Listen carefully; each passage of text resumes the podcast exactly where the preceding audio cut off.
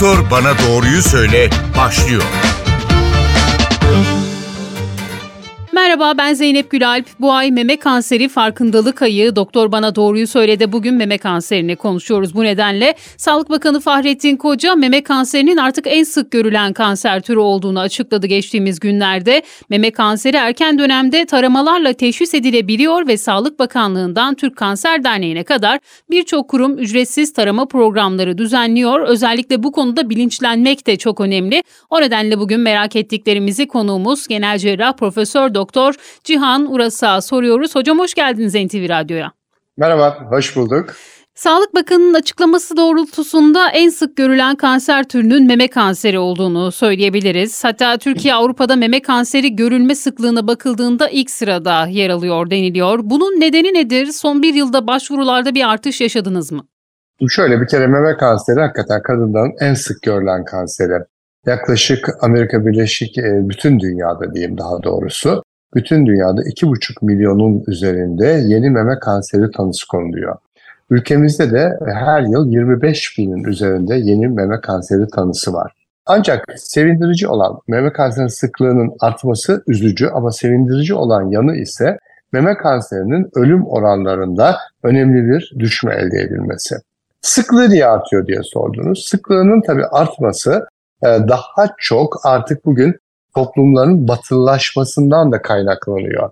Örneğin ülkemizde eskiden daha bir geleneksel şeylere bağlı olan bir toplumken bugün biz de batılaştığımız için e, bizde de meme kanserinin belki de artmasının sebeplerinden birisi o. Ne oluyor yani? Bir kere daha erken adet görmeye başlıyor genç kızlarımız. Daha geç doğumlar yapılıyor. Eskiden 30 yaş altında doğum yapılırken bu önemli bir faktör. Artık kadınlar çalıştığı için ve diğer işte iş hayatı ve faktörlerle 30 yaşından sonra doğum yapıyor. Hormon kullanımları daha çok artıyor. Beslenme alışkanlıklarımız çok değişiyor. Eskiden evimizde tencere tipi yemeklerle beslenirken bugün fast foodlarla daha çok besleniyoruz. Hazır gıdalar daha çok yiyoruz. Tabi burada ciddi çevresel faktörler var. Çevreden çok radyasyon alıyoruz. Bunlar da tabii çok etkili. Ki bu çevresel faktörlerin genetik yapılarımızı etkileyerek meme kanseri riskinde artış yapıldığı söyleniyor. Bunlara epigenetik faktörler deniliyor. E, bu tabii ki genetik bölümü de var işin ama burada tabii genetik faktörler e, bizim değiştiremeyeceğimiz faktörler. Halbuki biraz önce saydığımız olaylar bir kısmı değiştirebileceğimiz faktörler. Yine sigara içimi, alkol kullanımı meme kanserini artıran faktörler arasında. E, bunlar da çok önemli. E, bütün işte dediğim gibi batılılaşmanın getirdiği sebeplerde ülkemizde de meme kanseri sıklığında önemli bir artış görülüyor. Peki erken teşhis neden önemli? Memede kanser normalden çok daha hızlı bir şekilde mi yayılıyor ve bu nedenle mi tarama testlerine gidiliyor? Nedir hocam erken teşhisin önemi? Şimdi birçok organın kanserinin tarama tetkikleri çok daha zor. Halbuki meme kanserinde tarama tetkikleri çok kolay. Çünkü dışarıda olan bir organ sonuçta. Yani bir iç organ, bir Mutlaka onların da kolay günümüzde ama bir mide, pankreas gibi organlarda biraz daha meşakkatli tarama tetkikleri. Halbuki memede bugün kadınların yılda bir kere hastaneye giderek mamografi çektirmeleri, gerekiyorsa ultrason yaptırıp klinik muayene yaptırmaları erken tanıda çok önemli. O nedenle de kendi kendilerine tabii muayeneyi de burada göz ardı etmeyelim. Kendi kendilerini muayene etmeleri de çok önemli. Her kadın mutlaka belli bir yaştan sonra ki bu biz 20 yaşından sonra diyoruz. Meme muayenesi kendi kendine yapmalı. Memelerini tanıyarak onda oluşabilecek en ufak değişikliklerden haberdar olarak bir an önce hekime başvurmaları da çok önemli. Bu ama en önemlisi tabii belli bir yaşlarda tarama tetkikleri. Mesela tarama o yaşlar hangi yaş aralığı hocam onu da rica edelim size. Yani tabii bir kere önce bir hekime giderek kadın ne kadar meme kanseri açısından risk taşıdığını ortaya koymalı. Bu ortaya konduktan sonra kadının riskine göre bu tarama tetkikleri başlıyor. Ama bugün standart olan 35 yaşından itibaren risksiz kadınların diyorum mutlaka tarama tetkiklerine girmesi gerekiyor. 40 yaşından itibaren de özellikle 2 yılda bir mamografi yaptırmaları, 50 yaşından sonra da yılda bir mamografi yaptırmalarını öneriyoruz. Ama her yılda mutlaka bir hekim kontrolüne gitmeleri, hekim mamografi dışında başka tetkikler isterse de bunları da yaptırmaları gerekmekte. Hocam şimdi risksiz dediniz. Risk grubu mu var Ee, ya da bu risk nasıl anlaşılıyor? Bize bunu da anlatır mısınız?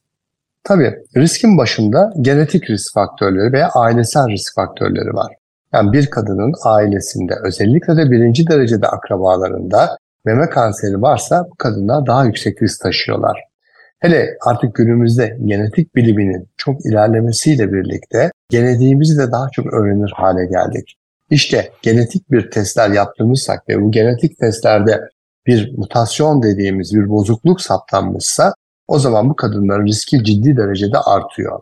Bir de e şunu da söyleyeyim. Ailede mesela hep eskiden bildiğimiz işte anne tarafından geçer, baba tarafının önemi yok diye düşünülürdü. Halbuki bugün kendilerinin baba tarafından da geçtiğini, bunların da risk yarattığını bilmekteyiz.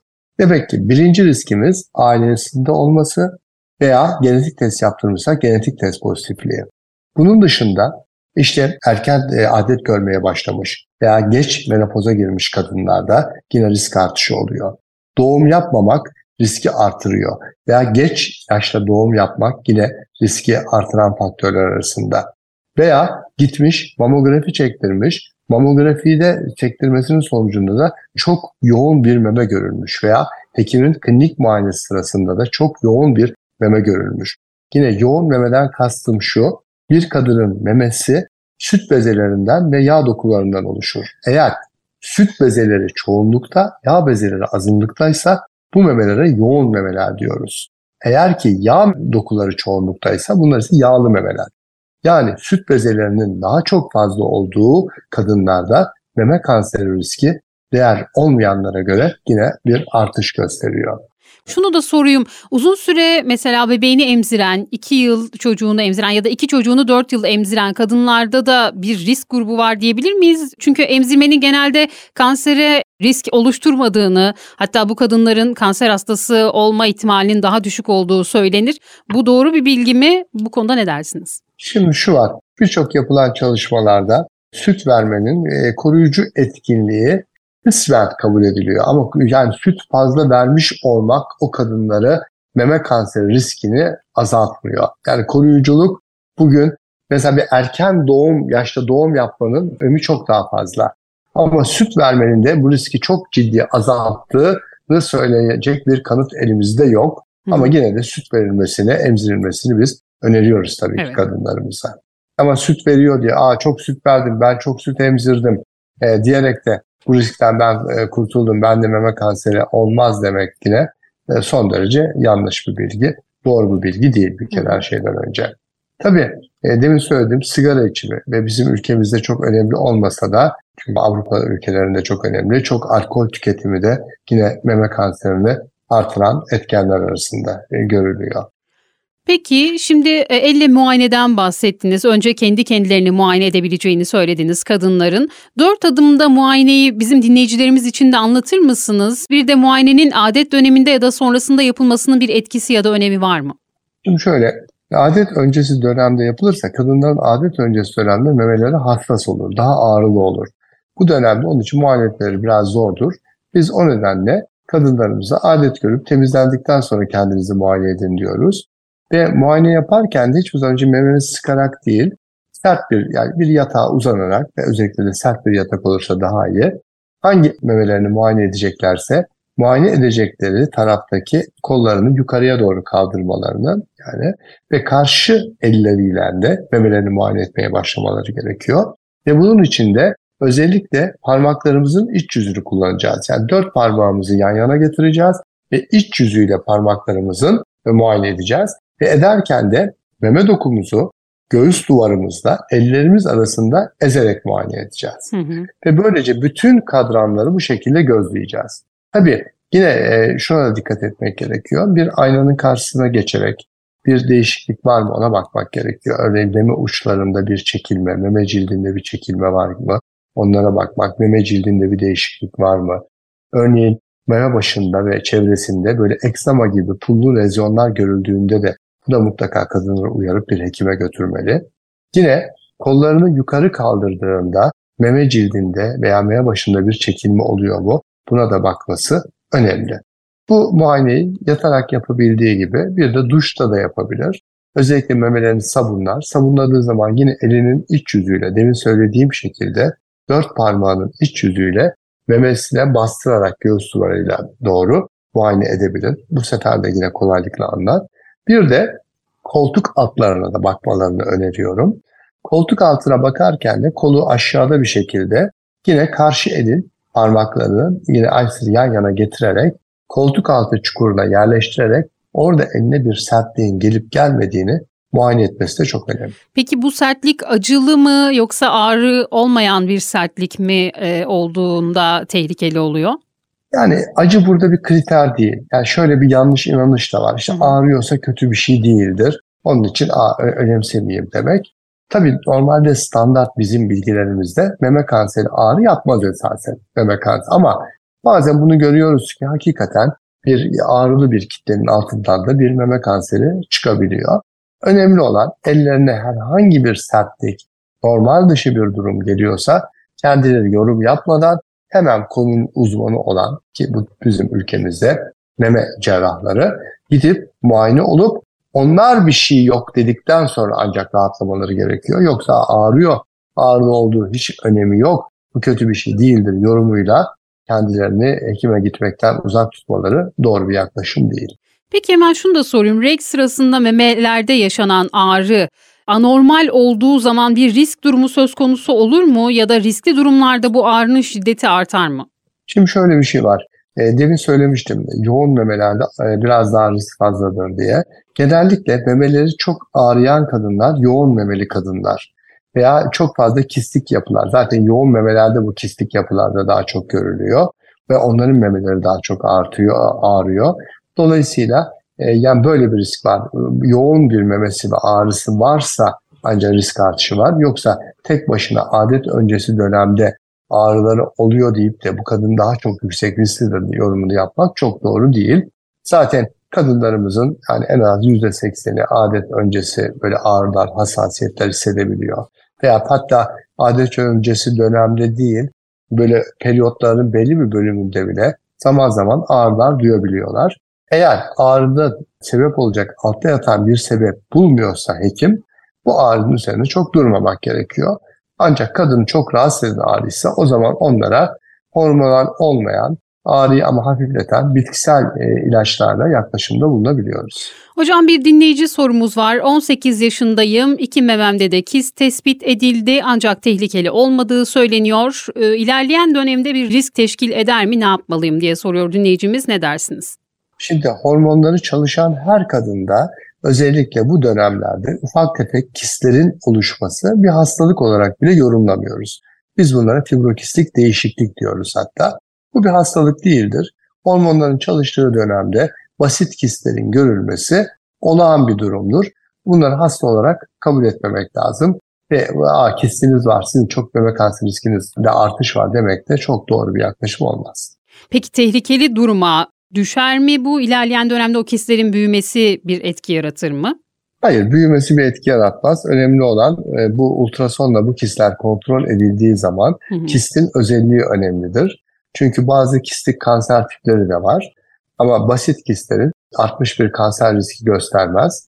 Ama ultrason yapıldığında bu kistlerin içerisinde örneğin katı komponentler bulunursa o kistler önemlidir. Çünkü o katı komponentlerden kanser gelişimi gündeme gelebilir. Yoksa sadece içi sıvı dolu olan, cidarı düzgün kistlerde bir artmış kanser riski söz konusu değildir. Peki hocam şimdi düzenli olarak mamografi çektiriliyor, ultrason çektiriliyor. Gözden kaçma gibi bir durum olabilir mi bu bir yıl içerisinde diyelim ki böyle bir ihtimalle karşılaşıldığı zaman ne yapılmalı?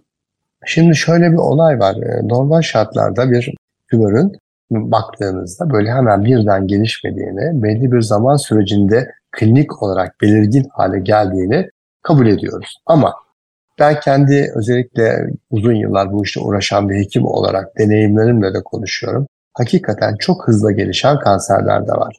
Hastanın 6 ay, bir sene önceki elinizdeki mamografilerine ve tetiklerine baktığınızda hiçbir şey yokken hızla gelişmiş bir kanserle de karşılaşabiliyorsunuz. Ama bu çok daha ender bir durum çok hızlı gelişen kanser tiplerinde, meme kanseri tiplerinde görebildiğimiz bir durum. Yoksa standardında yıllık aralarla yapılan kontrollerde e, meme kanserini geliştiği dönemde yakalamak mümkün oluyor. Ama tabii bu tek başına bir mamografiyle de değil. Genellikle bu hastaların mutlaka bir klinik muayeneyle, mamografiyle klinisyenin bunu düzgün bir şekilde değerlendirmesi, en ufak bir şüphesi varsa da buna gerekirse ultrason, gerekirse meme MR gibi tetkikleri eklediği takdirde gözden kaçma olasılığı dediğimiz bu olasılığı büyük oranda düşürmüş oluruz. Ama dediğim gibi hasta bir tek kişiyle değerlendirilirse ve hasta da orada sadece bir rapora bakarak e, karar verilmişse hata olabilir. Onun için dikkat etmek gerekir ve özellikle de demin bahsettiğim meme parankimi çok fazla olan yoğun memeli kadınlarda yine e, daha dikkatli olmak gerekiyor. Bu kadınlara zaman zaman meme MR tetkikinin de yapılması gerekiyor. Yine genetik taşıyıcılığı olan ve ailesel yükü olan kadınlarda sadece mamografiyle değil belli yıllarda araya meme MR tetkikinin de sokmayı tercih ediyoruz. Bu sayede de gözden kaçabilecek diğer, gözden kaçmak demeyeyim de bunu, diğer yöntemlerle izleyemeyeceğiniz, göremeyeceğiniz çok küçük tümörleri görebilir hale getirebiliyorsunuz. Şimdi hocam bu ay meme kanseri farkındalık ayı olduğu için birçok yerde meme kanserinden koruyan besinler var haberlerini görüyoruz. Böyle bir şey var mı? Özellikle şeker ya da yağ ağırlıklı beslenenlerde kanser riski daha mı çok fazla ya da düzenli keten tohumu tüketimi meme kanserine karşı koruyucu özelliğe sahip mi mesela? Bu bilgiler doğru mu? Ne dersiniz? Bir kere düzenli beslenmek çok önemli. Yani bugün özellikle e, beslenmemiz yani bizim önerdiğimiz şu e, herkesin de belki bildiği bir şey Akdeniz tipi diyetle beslenin diyoruz. Yani özellikle sebze ağırlıklı, zeytinyağlı yemekle ağırlıklı işte kırmızı et tüketimini daha azaltmak suretiyle ve hazır pişmiş gıdalardan e, yani özellikle yapılmış daha işte bir takım ilave edilmiş gıdalardan kaçınarak beslenmenin çok tabii ki önemi var. Keten tohumunun e, kullanmanın koruyucu etkileri gösterilmiş ama mutlaka %100 bir koruyucu etkisi ispatlanmış değil. Bir faydası var. Beslenme alışkanlığımız çok önemli. Yani dengeli ve düzenli beslenmek. Özellikle menopoz döneminde şişman olmamak. Çünkü menopoz döneminde şişman olan kadınlarda meme kanseri riski şişman olmayan kadınlara göre çok daha fazla artıyor. Hı hı. Yani yemek olarak dediğim gibi Özellikle tabii ki aşırı yağlı gıdalardan kaçınacağız. Çok tatlılardan kaçınacağız. Demin söylediğim gibi Akdeniz tipi sebze ağırlıklı gıdalarla besleneceğiz. Balık tercih edeceğiz et olarak. Tabii ki dönem dönem kırmızı et de tüketebiliriz ama dediğim gibi haftalık gün sayısını düşürmek suretiyle. Bir de en önemlisi egzersiz yapmak. Evet. Bugün birçok çalışmada gösterilmiş ki özellikle haftada hiç olmazsa 4 gün veya 5 gün bir spor yapmak ki bu sporu gidin de bir spor merkezinde işte aletlerle çalışın edin tarzında değil. Düz bir yolda e, çok fazla kendinizi yormayacağınız şekilde ama tabii çok sallanarak da değil tempolu bir şekilde 45 dakika ve 1 saat yürüyüş yapmanın bugün riski ciddi oranda azalttığı görülüyor. Yani hayatın hangi yaşında olursa olsun yürüyüş en iyi spor yürüyüş yapan kadınlarda da meme kanseri riskinin spor yapan bu kadınlarda azaldığını gösteriliyor. Peki hemen şunu da sormak isterim. Meme küçültme ya da büyütme ameliyatları bir risk oluşturuyor mu meme kanserinde? Hayır yani şöyle meme büyütme ameliyatları genellikle bir protez koymak suretiyle yapılıyor. Bu protezlerin bugüne kadar meme kanseri riskini artırıcı bir etkisi olduğu gösterilememiş ki uzun yıllardır bu protezler kullanılıyor. Ama biz kadınlara protez konurken ileride bir meme ile ilgili bir sıkıntı olduğunda daha kolaylık olması açısından hep adel arkasına konulan protezleri yapılmasını öneriyoruz meme uzmanları olarak. Küçültme ameliyatlarına gelince ise e, veya dikleştirme ameliyatları tabii ki bu önce ne oluyor? Bir ameliyata bağlı meme dokusunda bir yapısında bir bozulma meydana geliyor. Halbuki hiç ellenmemiş, dokunulmamış yani operasyon geçirmemiş bir memede biz meme dokusu içerisindeki çok ufak düzensizliklerden yeni başlayan bir meme kanserini teşhis edebiliyoruz. İşte bu bizim bu elimizdeki silahı alıyor. Tabii ki küçültmede meme dokusunun belli bölümleri kesildiği, tekrar belli bölüm dikildiği için tabii birçok düzensizlikler görüyorsunuz. İşte o zaman da benim önerim bir yıl geçtikten sonra bir yeni bir mamografi, yeni bir tetkik yapılması ve bunu elimizde bulundurmamız. Bundan sonraki takiplerde de bu değişikliklerin e, bir bu ameliyata mı bağlı yoksa orada yeni bir olay mı gelişiyor onu izlememiz açısından faydalı olacaktır. Ama tabii ki ameliyatlı memede her zaman bir takım değişiklikler olabilir. Örneğin dik şartlarında işte yağ dokusu erimelerine bağlı değişiklikler olabilir. Mutlaka ameliyat edilmiş bir memeyi değerlendirmek, ameliyat edilmemiş bir memeyi değerlendirmekten daha güçtür, zordur. Ama örneğin çok iri memesi olan bir kadının tabii ki özellikle fiziksel olarak da ciddi rahatsızlıklar veriyor. Bu kadınların küçültmelerine müsaade ediyoruz tabii ki. Biraz daha zor olmakla beraber e, tabii ki böyle bir operasyon geçirmiş kadının memesi takip edilemez diye bir sorun da söz konusu değil. Artık programımızın sonuna doğru yaklaşıyoruz. Şunu da soralım hemen. Diyelim ki meme taramasına girildi ve şüpheli bir durum tespit edildi mamografide. Bundan sonra neler oluyor? Adım adım bize anlatır mısınız? Hangi tetkiklere bakılıyor ve bundan sonraki süreç nasıl devam ediyor? Tabii elinizdeki bulunan tetkikler örneğin hasta klinik muayeneyle zaten saptamışsanız bir şey mamografi ultrason yaptırıyorsunuz. Veya mamografide saptamışsanız ardından ultrason yaptırıyorsunuz. Örneğin eğer yine böyle arada çözmeniz gerekiyorsa bir MR'da isteyebiliyorsunuz. Bugün günümüzde Şimdi eskiden nasıl bir yaklaşım içinde bulunurdu? Bir kadının memesinde klinik muayeneyle, mamografide veya ultrasonda bir kitle buldunuz. Çok şüpheli bir lezyon buldunuz. Hastalar hemen bu teklif edilirdi. Tamam gelin bu kitle işte çıkaralım. Ameliyat sırasında da bizim frozen section dediğimiz patolojik inceleme yaparız. Onun sonucuna göre de ameliyata devam ederiz veya etmeyiz diye bir yaklaşımda bulunuyorduk. Ama biz bugün artık tümörlerin biyolojilerini çok iyi öğrendikten sonra bazı hastalarda tedaviye öncelikle cerrahiyle başlamayabiliyoruz. Hatta burada ille hastalığın ileri bir evre hastalık olması da gerekmiyor. Yine çok erken evre bazı hastalıklarda da bazı tümör tiplerinde de önce tedaviye ilaçla yani kemoterapiyle başlayıp sonra ameliyat edebiliyoruz. Onun için bir kadının memesinde şüpheli bir kitle varsa ve kanser düşünüyorsak bunlara önce bir biyopsi yaptırıyoruz. Bu ince biyopsiyi de kalın iğne dediğimiz kesici yani bir bıçaklı iğneyle yapıyoruz. Burada yeterli bir doku alma şansımızı elde ediyor. Tabii ki bu biyopsiyi yapan kişinin deneyimli olması gerekiyor. Tam özellikle çok küçük tümörlerde tam kitlenin içine ve hedef tutturmanız lazım. Yoksa sağından solundan alırsanız orada bir meme kanseri olduğu halde atlayabilirsiniz. Gözden kaçırabilmiş olursunuz. Düzgün bir biyopsiyle tanısını koyuyoruz. Tümörün biyolojik yapısını öğreniyoruz. Bundan sonra da hangi tedaviyle başlayacağımıza karar veriyoruz. Zaten ileri olan tümörlerde, örneğin memede çok büyümüş, koltuk altına geçmiş tümörlerde, onlarda zaten önce cerrahiyle başlamıyoruz.